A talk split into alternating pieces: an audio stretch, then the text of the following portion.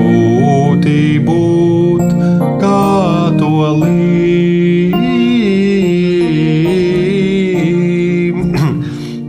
no jauna, no jauna, visu no jauna. Grūti būt. Grūti būt katolim.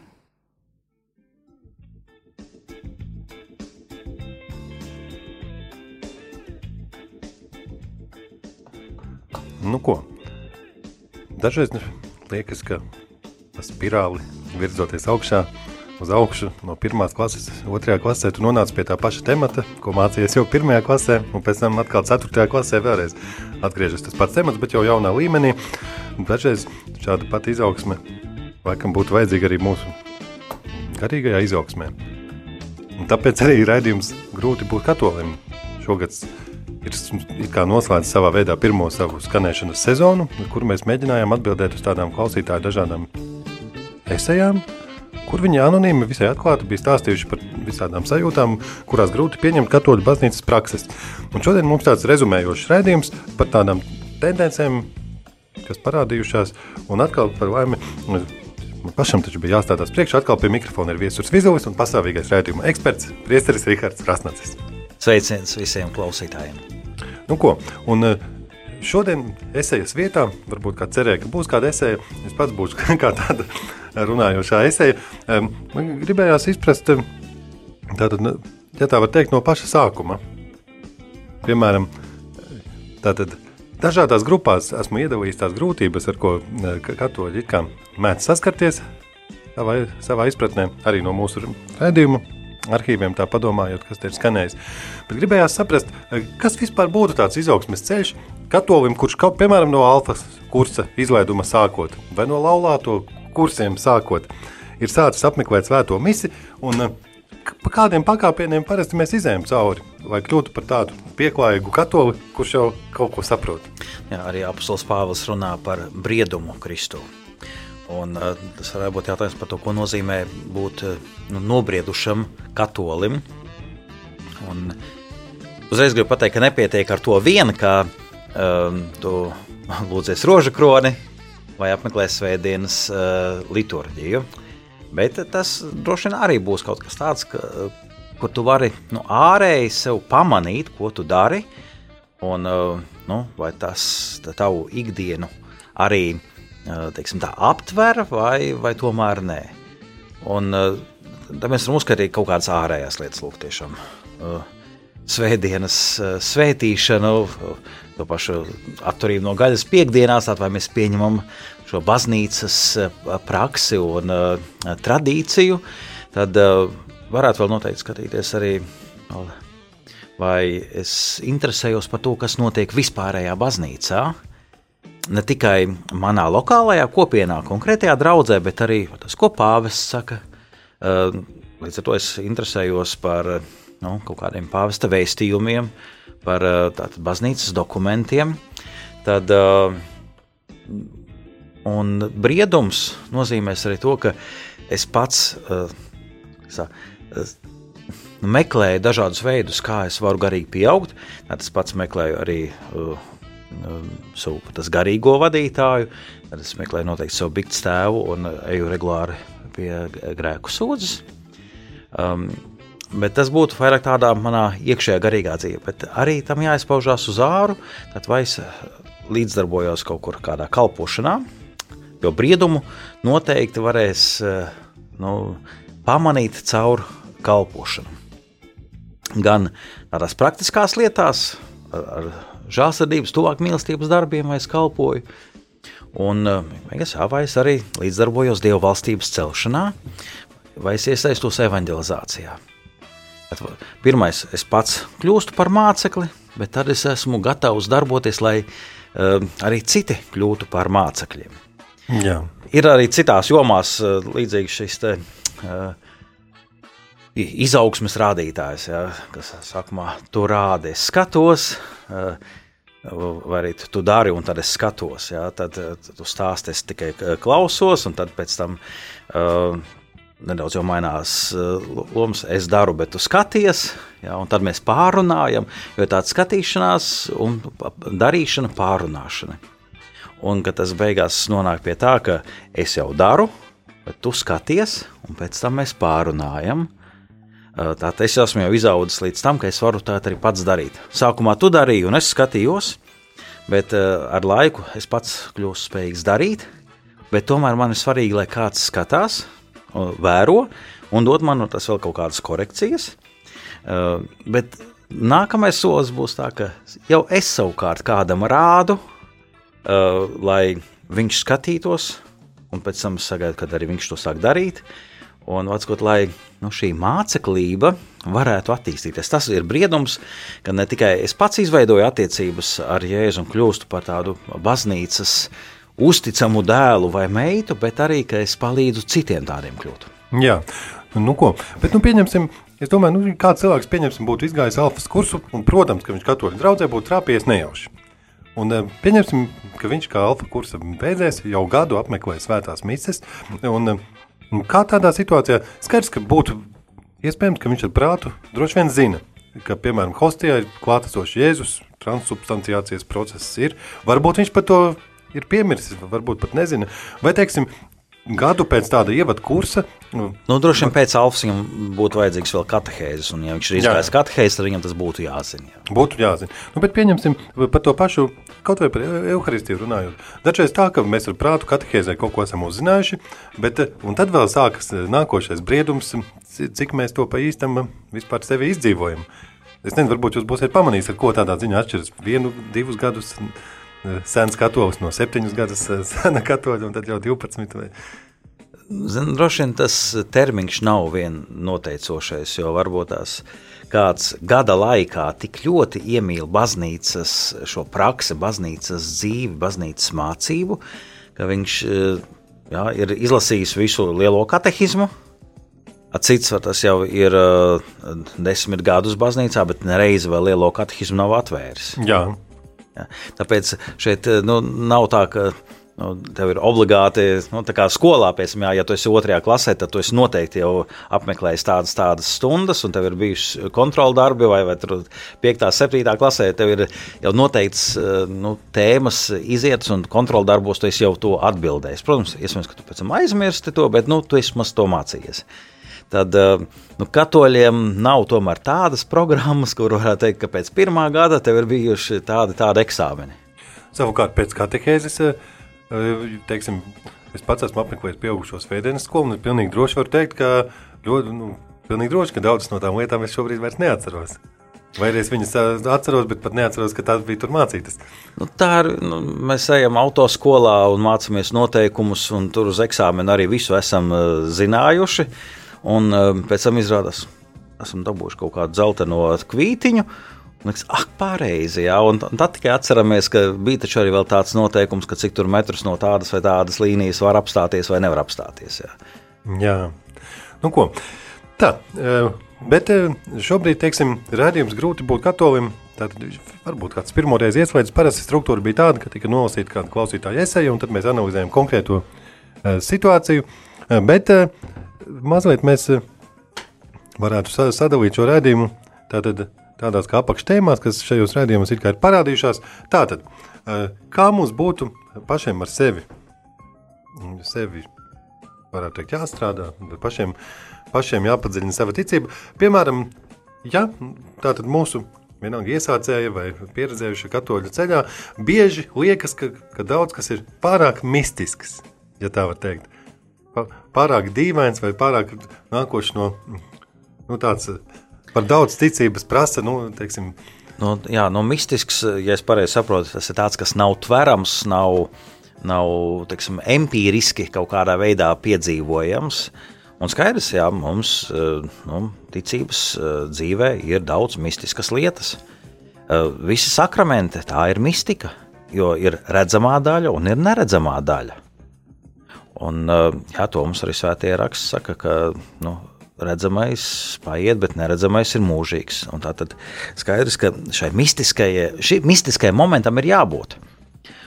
Tas, ka tas ir kaut kas ārēji, kā reiz dievkalpojumā, tur mēs redzam, ir vīra kadūma, vēl kaut kas, un ir šīs te, vai tur sveču gaisma, un, un tad, ja to mēs nosaucam par mistiku, um, tad nu, droši vien tur tas vārds mistika būtu nedaudz citā nozīmē. Um, tā kā, bet pareizā nozīmē mistikai ir jābūt.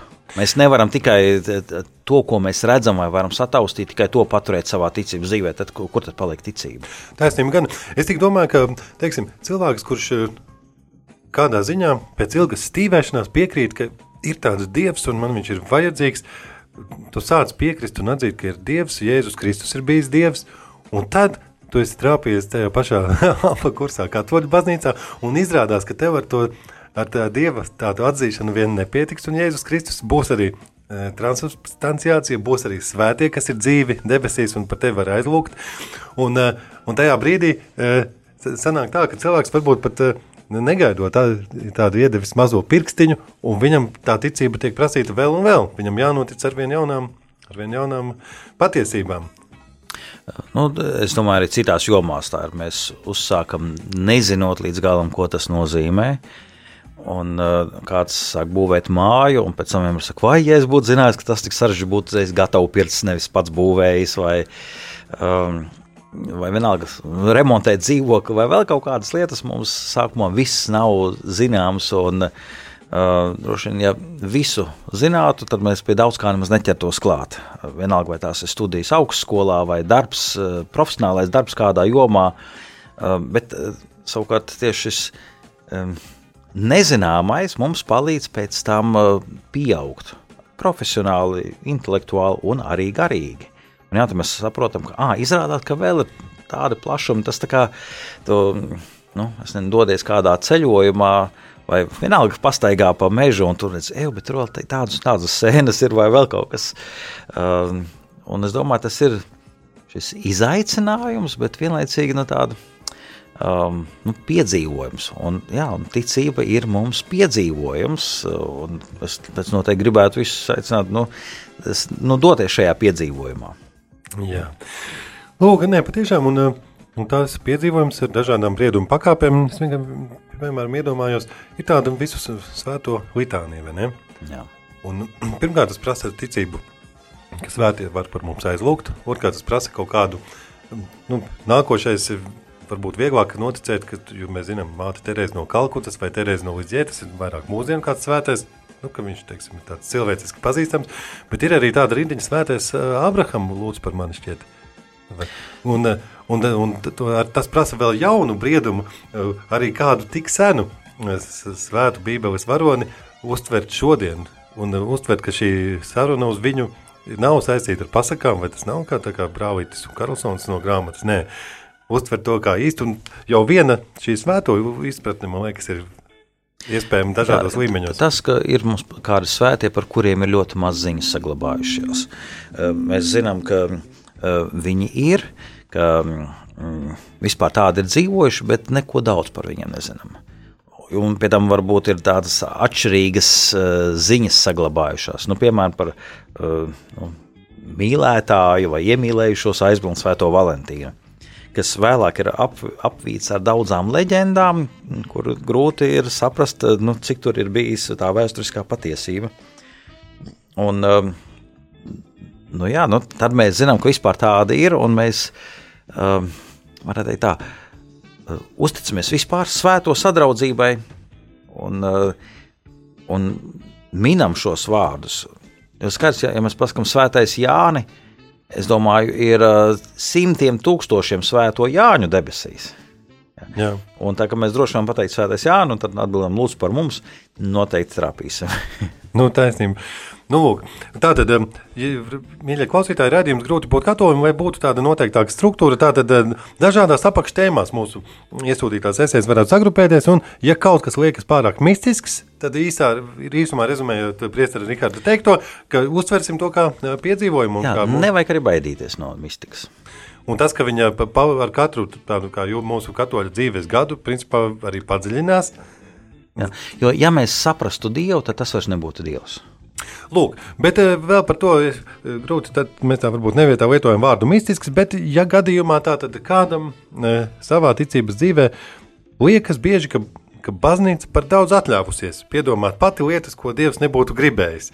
Šādus iebildumus šādi gadās dzirdēt, liekas, vai tad tiešām es taču varu tic, ticēt, ticēt Dievam. Uh, jā, es domāju, ka tas varētu būt par, par dogmām, kas ir izsludinātas uh, nevis apstuļu laikā, bet daudz vēlāk, daudz gadsimtu ir pagājuši, un tad baznīca pasludina kādu ticības patiesību dogmu. Jā, un tad uh, kāds teiks, to jau cilvēki saka, izdarīja.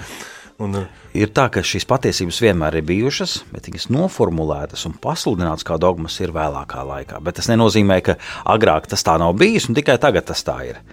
Uh, un šeit tā ir, ka baznīcai ir uzticēta autoritāte no Jēzus. Viņš teica, ko jūs sasiesiet debesī, uh, virs zemes, tas būs sasiets debesīs. Tad viņš ir devis autoritāti, un tāpēc baznīca šo savu autoritāti praktizē. Un savukārt mēs atzīstot uh, um, baznīcas autoritāti, atzīstam to, ka Jēzus to autoritāti ir devis. Faktiski mēs atzīstam Jēzus autoritāti.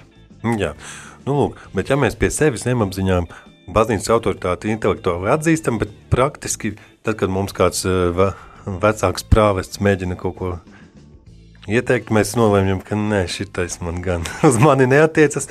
Eh, tā jau var būt. Es esmu vecs vai jauns? nē, nē, nu, es, nu citreiz liekas, nu kā tev, teiksim, ka, nu, es tā īstā pats esmu droši vien dzirdējis, ka nu, pirms es nebiju katolis, protams, ka man likās, ka tā ir tāda nu, vecmodīga padarīšana. Tur ieraugi kadru ar kardināliem, kāda ir pieņemsim, eh, nu, kādos svētkos, varbūt LTV kanālā. Tu liekas, nu, vai tādi onkulīši man noteiks, kā man dzīvot. Teiksim, nu, Ko viņi no dzīves saprot? Nu, no dzīves, un pirmkārt no, tā, nu, no reālās dzīves. Viņi taču tur baznīcā ir savās cienās jau iduši un tā tālāk. Tā es esmu domājis pats. Es domāju, tā par daudzām lietām mēs varam domāt, mēs apšaubam vai valsts prezidents vispār orientējās un zina, kas notiek valstī, vienalga vai Jā. mūsu valstī vai citā valstī. Protams, ka mēs to apšaubām, vai ne? Jā. Mēs hokeja trenerus apšaubām. Jā, jo viņi taču ne, visu hokejs viņi nemāk spēlēt, jā, un uh, nu, tāda, laikam, tas tā, ja mūsu dabā ir kaut ko apšaubīt. Un, Teiksim, uh, baznīcas autoritāti un piln... bet kā mēs varam pilnībā viņai padoties tādu mazu ieteikumu mēs šeit, šeit rezumējošā rēdījumā? Es domāju, caur to, ka mēs labāk iepazīstam to, ko dara baznīca, un paši sākam darīt. Jo, ja salīdzinām to pašu hokeju, nu, aiziet paspēlē pats un redzēsi, vai tu vari tik vienkārši to izdarīt, ko, ko tu saki, ka pārējie nemāki. Nu, ja tu māki labāk, izdari. Un tad arī baznīcas dzīvē iesaistamies, sākam kalpot un redzam, cik tas viegli ir. Jā.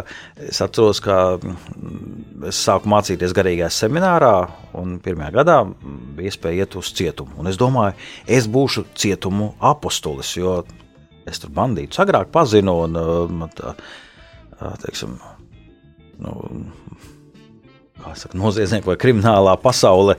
Vismaz daži pārstāvji man bija pazīstami, un es domāju, ka es varēšu viegli atrast kontaktu ar viņiem, un es būšu baigais apustulis.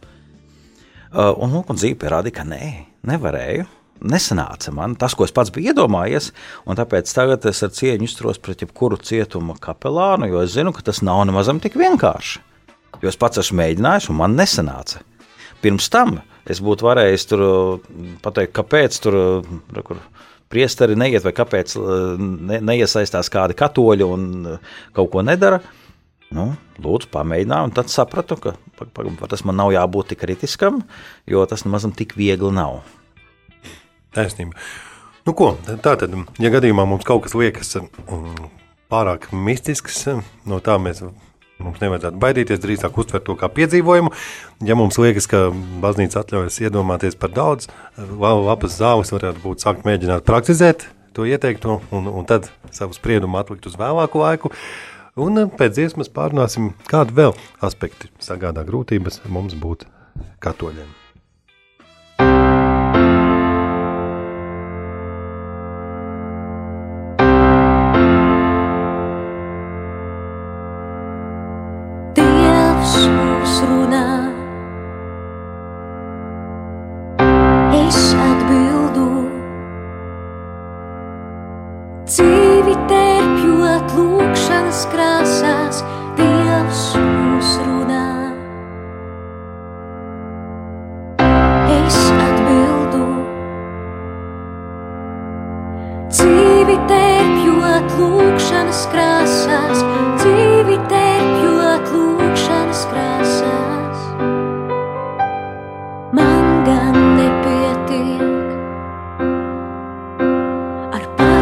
sirdī. Lūdzu, kungs, dodas.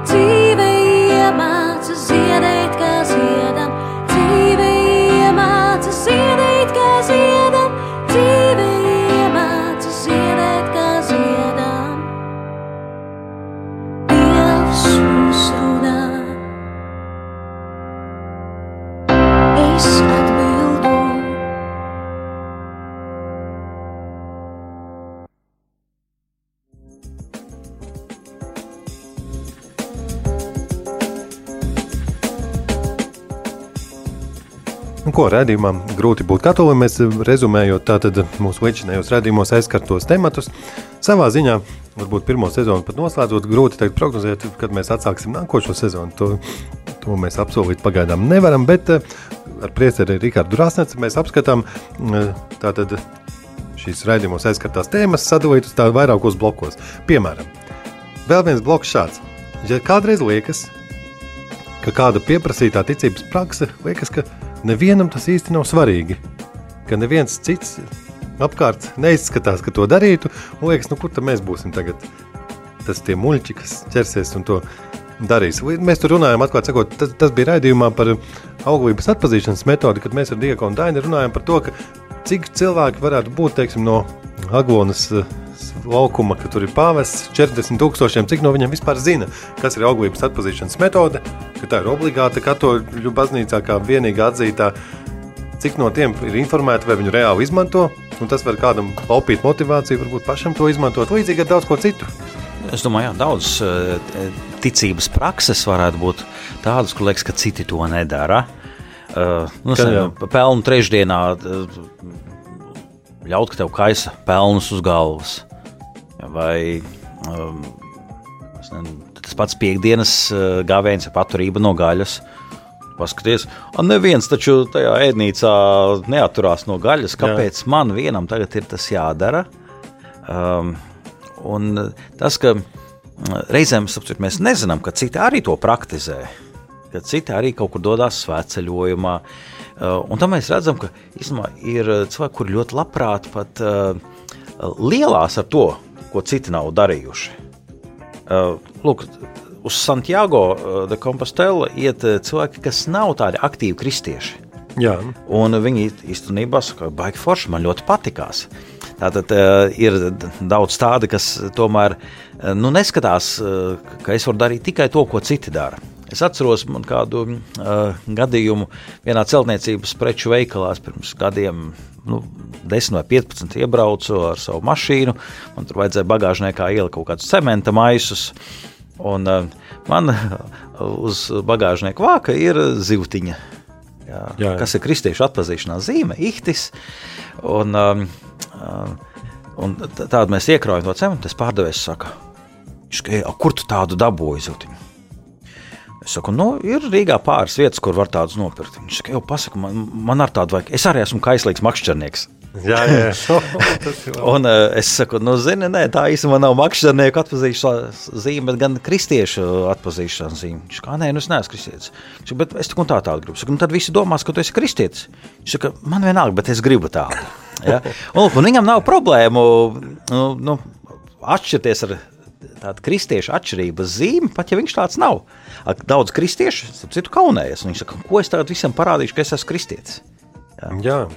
Tā kā jā, ir kaut kādas lietas, kas mums nu, liek sajusties. Uh, tas nērti, bet bieži vien tāpēc, ka mēs neesam paši pārliecināti par nu, kristietības unikalitāti, ka tas ir kaut kas ļoti, ļoti labs. Tas nozīmē, ka man vajag to labāk iepazīt. Uh, un jā, tas tā ir kaut kāda izaugsme. Jo, zini, pusauģiem ir viens kaut kāds periods, kad viņi sāk kaunēties no saviem vecākiem. Viņi Jā. neiet kopā, viņi iet de, desmit metrus pa priekšu vai no aizmugures, lai nedomātu, ka man ir kaut kas kopējs ar, ar šiem te, nu, maniem senčiem. Ja? Tāpēc viņi tēlo, ka viņi ir gan īsti nepazīstami. Viņam interesanti, ir kauns no saviem vecākiem, bet tas ir kaut kāds brīdis, ka, nu, kuram jātiek pāri. Tas nav visiem, bet nu, bieži vien tā ir. Un tad viņi saka saviem draugiem, ka tev gan forši vecāki, jau manējie gan tādi neko no dzīves nesaprot. Un savukārt tas klases biedrs to pašu saka otrā virzienā. Ja? Viņš saka, nē, nē, tev ir forši vecāki, manējie nekā nesaprot. Uh, un paiet laiks, un viņi tas vēl labāk iepazīst savus vecākus, viņu pieredzi. Un, uh, tam, kam viņi ir gājuši cauri, un tad viņi novērtē, viņi saka, man tomēr ir baigi foršie vecāki. Un tas nozīmē, ka mums vajag labāk iepazīt to katoļu ticību, lai mēs saprastu, ka man taču ir baigi foršā baznīca, kurai es piedaru. Tā, tas nozīmē, ka praktizēt arī to, ko šķiet, ka tev neviens no blakus sēdošiem pat arī baznīcā nepraktizē, bet izmēģināt pašam, lai saprastu. Izmēģināt, jā, labāk iepazīt un būt uh, pozitīvā nozīmē lepnam par uh, to bagātību, kas ir katoļu baznīcai. Jā. Un tā bagātība, mēs, mēs jau šeit vienā redzījumā to pārunājam, bet kāds, kāds teiks, ka nu, šis gan ir vecmodīgs, ka ir kaut kas neglābjami novecojis, un tagad gaidīsim, kad šī kāda praksa tiks izņemta vispār, piemēram, ārā. Un tā arī ir. Jā, nu, ir kaut kādas lietas, kas ārēji var tās ir e, novecojušas. E, Bet atkal es gribu teikt, tas ir daudzās jomās, kur ir kaut kādas lietas, kuras nu, uzreiz neiet līdzi laikam. Uh, ja mēs runājam par kaut kādu noformējumu, par jā, nu, baznīcās mēs netaisām uh, remontu, kas visu laiku atbilstu nu, šī brīža kaut kādām uh, interjeru tendencēm. Un tāpēc var likties, ka nu, nu, tas ir kaut kas novecojis, tā vairs nedara. Jā, jā jo iespējams tāds pēdējais lielais remonts ir bijis pirms 50 gadiem, un tad kādas krāsas bija vai, vai vēl. Tad, es nezinu, kaut kādas altāra segas mēs varam ieraudzīt, pateikt, nu, tas ir kaut kas vecmodīgs. Jā. Un, jā, un tiešām dažas lietas ir vecmodīgas, bet tas man šķiet, ka netraucē, jo ne viss jaunais ir uzreiz jādara. Mēs pat redzam, Tur, kur nu, ir tie, tieši interjerā vai arhitektūrā ļoti daudz jaunais izmantots, piemēram, 60. un 70. gados, ir uzbūvētas baznīcas pēc tā laika nu, modernākajiem eh, tādiem uh, paraugiem, un ir pagājuši lūk, jau 30, 40 gadi, un mēs redzam, nu, tas vairs nekur nedara. Taisnība. Es gan domāju, šī gadījumā, tad, kad es minēju vārdu novecojis vai vecmodīgs, tādā ziņā, ka cilvēkam dažreiz liekas, ka ka vai vēl ar vienu viņi tam tic šajā izpratnē. Nu, ka, ka ir kāda lieta, ka liekas, nu, mūsdienu cilvēks jau tā simboliski kaut ko izpilda, bet nu, vairs jau paši tam īsti netic. Piemēram, grūti uzreiz nosaukt piemēru. Nu, tas būtu tā kā nu, salavecis, vai tu tici salavecim, un līdz kaut kādiem pieciem, sešiem gadiem tic, eh, ka ir tāds salavecis raksta vēstulīte, jā. jā, un tad pienāk brīdis, kad nu, kāds tev nežēlīgi atklāja patiesību, ka salaveču nemaz nav. Jā, jā tas Bet, ir simboliski. jā, tad šeit ir tā, ka nekas nav mainījies. Protams, ticības dzīvē ir lietas, kuras bērniem izstāsta bērnu līmenī. Nu, piemēram, ja bērnam mazam bērnam saka, ka elle ir pazemē un debesis ir tur aiz mākoņiem, tad nu, ir svarīgi, lai pēc tam, kad bērns paaugās, viņam tomēr pastāstītu, kā tas ir eh, patiesībā. Jo mazam bērnam skaidro tādā veidā, lai viņam būtu nu, nepieciešamā emocionālā attieksme pret elli vai pret debesīm, bet tas nav jāuztver kā absolūta patiesība, kā lokalizācija. Un, eh, un tad ja vecāki nav parūpējušies, ka pēc tam tiek izskaidrots un viņš nu, ticībā turpina pieaugt, tad uh, ir vēlme atmest. Un tāpēc es domāju, visbiežāk šī vēlme kaut kādas šīs it kā novecojušās lietas atmest uh, ir tieši tāpēc, ka mēs neesam nu, iegūši nepieciešamo formāciju, nu, neesam turpinājuši izglītoties ticības jautājumos. Un tad to, ko es nezinu, ko es nesaprotu, es labāk no tā nu, novēršos. Jā, nu ko. Um, tātad mēs par veclaicīgumu, par mistiskumu, par, par, par pakļaušanos baznīcai jau izrunājām, bet, ja teiksim, mēs pagaidām, pagaidām neticam, vai pagaidām priekš sevis esam atzinuši, ka mēs kaut ko ne, nedaram, vai netiks NBA arī šķiet Marijas bezvainīgās ieņemšanas uh, svētki, un kāds saka, nu, es, tam es nevaru ticēt, to viņi kaut kā tur ir baznīca izdomājusi. Nu, piemēram, viņš saprot, ka tas ir pareizi, bet. Nu, Jā, to parasti nu, saka cilvēki, kuri pieturās tikai pie šī te, nu, ticības, patiesības nu, formulējuma, bet nav centušies eh, saprast, eh, ko tas īsti nozīmē. Un tad eh, saka, es to nevaru pieņemt, kā tas ir bezvainīgā ieņemšana, vai arī nu, ka, ka jaunā Marija ir ieņēmusi no svētā gara, kā tas ir iespējams. Un eh, tikpat labi mēs varam teikt, nu, kāds ir iespējams, ka no nekā Dievs rada pasauli. Nu, tad, tad mēs varam aiziet līdz daudzām lietām, kuras mēs apšaubītu. Jā. Bet, ja mēs pagaidām apšaubām un neticam, teiksim, vai citreiz var kāds iedomāties, ka ko tad es tāds iešu atkal ne, uz to katoļu baznīcu, ja jau es dažām lietām neticu, piemēram, šobrīd. Ko darīt tādiem? Um, vai viņi kā turpina nākt, bet kaut kā nejūtas īsti līdz galam, jo pāris lietām, ko viņam šķiet visi tam stabili tic, bet es tā kaut kā nestabili. es domāju, turpināt meklēt, un nu, tomēr dot šo tādu uzticības no avansu baznīcai, zinot, ka tā pastāv jau 2000 gadu. Un vai tiešām es tagad būšu nu, tāds, kurš būšu atklājis tādus trūkumus, tādas nepilnības, ko līdz šim 2000 gadus neviens cits nav atklājis, un tāpēc nu, visu laiku baznīca kaut ko nepilnīgi ir mācījusi. Tad es visdrīzāk viņu tā, okay, es neizlikšos gudrāks par, par visām iepriekšējām paudzēm, un tā, nogaidīšu un lūkšu no Dieva žēlstību saprast. Tātad, lai es varētu ticēt un saprast. Un, jā, ir kaut kādas lietas, kuras mēs nesapratīsim, kur mums ir jānotic. Piemēram, kad eņģelis jaunajai Marijai eh, parādījās un teica, tu kļūsi par pestītāju māti. Un viņi to saprata. Un viņi nesaprot, un viņi saka, kā tas var notikt, es taču vīru nepazīstu. Un tad, kad atbild eņģelis, viņš saka, svētais gars nāks pār tevi un tev apainos. Domā, viņi saprata to atbildi. Viņi saņēma atbildes, it kā skaidrojumu, bet es domāju, ka šī meitene, Marija, tik un tā nevarēja to visu izprast, jo tādas pieredzes jau nav. Nevienam uz pasaules nav bijusi tāda pieredze, lai viņi to zinātu. Teikt, o, jā, tagad saprotu, es zinu, jo tas tur tam un tam tā ir bijis. Uh, un tad viņa beigās pasakā, es esmu kunga kalpone lai man notiek pēc dieva prāta. Un es domāju, tā ir tā uh, attieksme, kāda mums ir jāiemanto, ka lūk, jā, es esmu kungs tavs kalps, tava kalpone, lai man notiek pēc uh, tā, tava vārda. Jā, nu lūk, un uh, kādu mēs vēl varētu, teiksim, noslēdzot tādu raidījumu pirmā skanējuma sezonu, ja tā var teikt, Kaut kādas vēl vadlīnijas, piemēram, kā vispār, nu, teiksim, cilvēki sajūt kādu grūtību, ka, nu, vienalga, kuru grūti būt katolim. Tikko jau jūs teicāt, vai man notiek pēc tā vārda. Varbūt jums eh, vēl kādi tādi vispārēji ieteikumi. Tad, kad kāds šaubās, vai varbūt dzirdējis kaut kādus protestantu plusus un eh, pārmetums, ka tu vajag visu vienkāršāk uztvert, vai vēl kaut kā. Kā mums, kā tādiem katoļu lepnumā, nezinu. Es domāju, kas attiecas uz baznīcas praksi, tur vienmēr ir uh, divi aspekti. Uh, lai būtu baznīcā, vai nu, apmeklētu baznīcu, lai lai piederētu baznīcai, ir pirmais, tas ir šis intelektuālais aspekts. Tev vajag saprast uh, ticības patiesības un uh, svēto vēsturi. Un, un otrs tā ir kompānija. Un, uh, teikt tā, tas viens otru papildina. Jo nepietiek ar to, vien, ka es būtu kaut ko lasījis un kaut ko zinātu, man vajag arī kopienu, kas mani atbalsta. Un savukārt eh, nepietiek tikai ar kopienu, kas mani atbalsta. Man vajag arī nu, zināšanas, man vajag šo intelektuālo bāzi.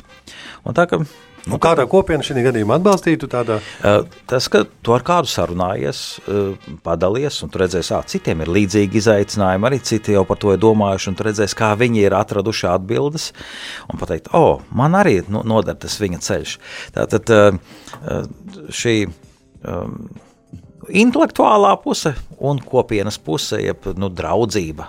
Man ir vajadzīgi arī ticīgi draugi, kas mani atbalstītu un kurus savukārt arī es varu atbalstīt. Un, eh, un tad atkal jāsaka, Paldies Dievam, ka ir tāds rādījums arī, kas eh, parūpējās par šiem abiem, jo te ir gan katehēzes, un mēs varam daudz dzirdēt liecības, un arī ir kaut kāds šis nu, kopienas atbalsts, kuru mēs varam iesūtīt lūkšanu par mums aizlūdz, mēs par eh, kādu iestājamies lūkšanā, bet, protams, ir labi, ka mēs esam arī nu, savā draudzē, un, un arī tur esam tādā nu, ciešā kontaktā ar, ar citiem ticīgajiem. Jā, jo tad mēs redzam, ka ir tādi, kas kādam mūsu šaubīgajam jautājumam tomēr patiešām tic. Ir tādi, kas, piemēram, ja mums negribas klausīt baznīcā, kas cenšas to darīt, un tad mums ir vieglāk, jo e, viņi jau to dara.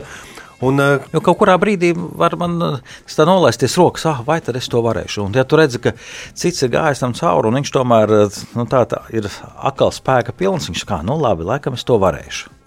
Jā, bet ko mēs varam lūgt Dievam, ja mēs kaut kam neticam, kaut kam par maz ticam, vai pat kādā brīdī liekas, vai man tiešām vispār jābūt šajā sarežģītajā katoļu baznīcā.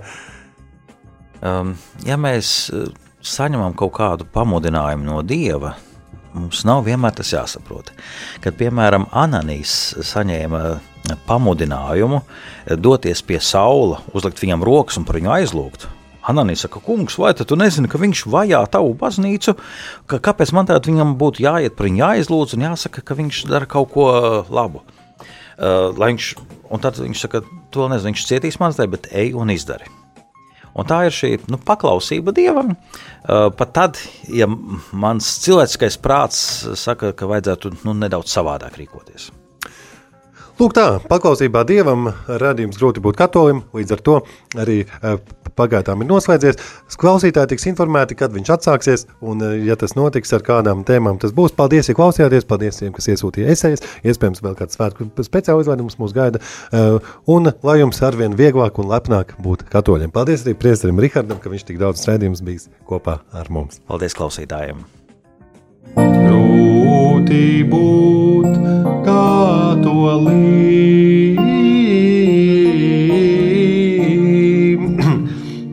no jauna, no jauna, visu no jauna. Grūti būt katolim. Hm.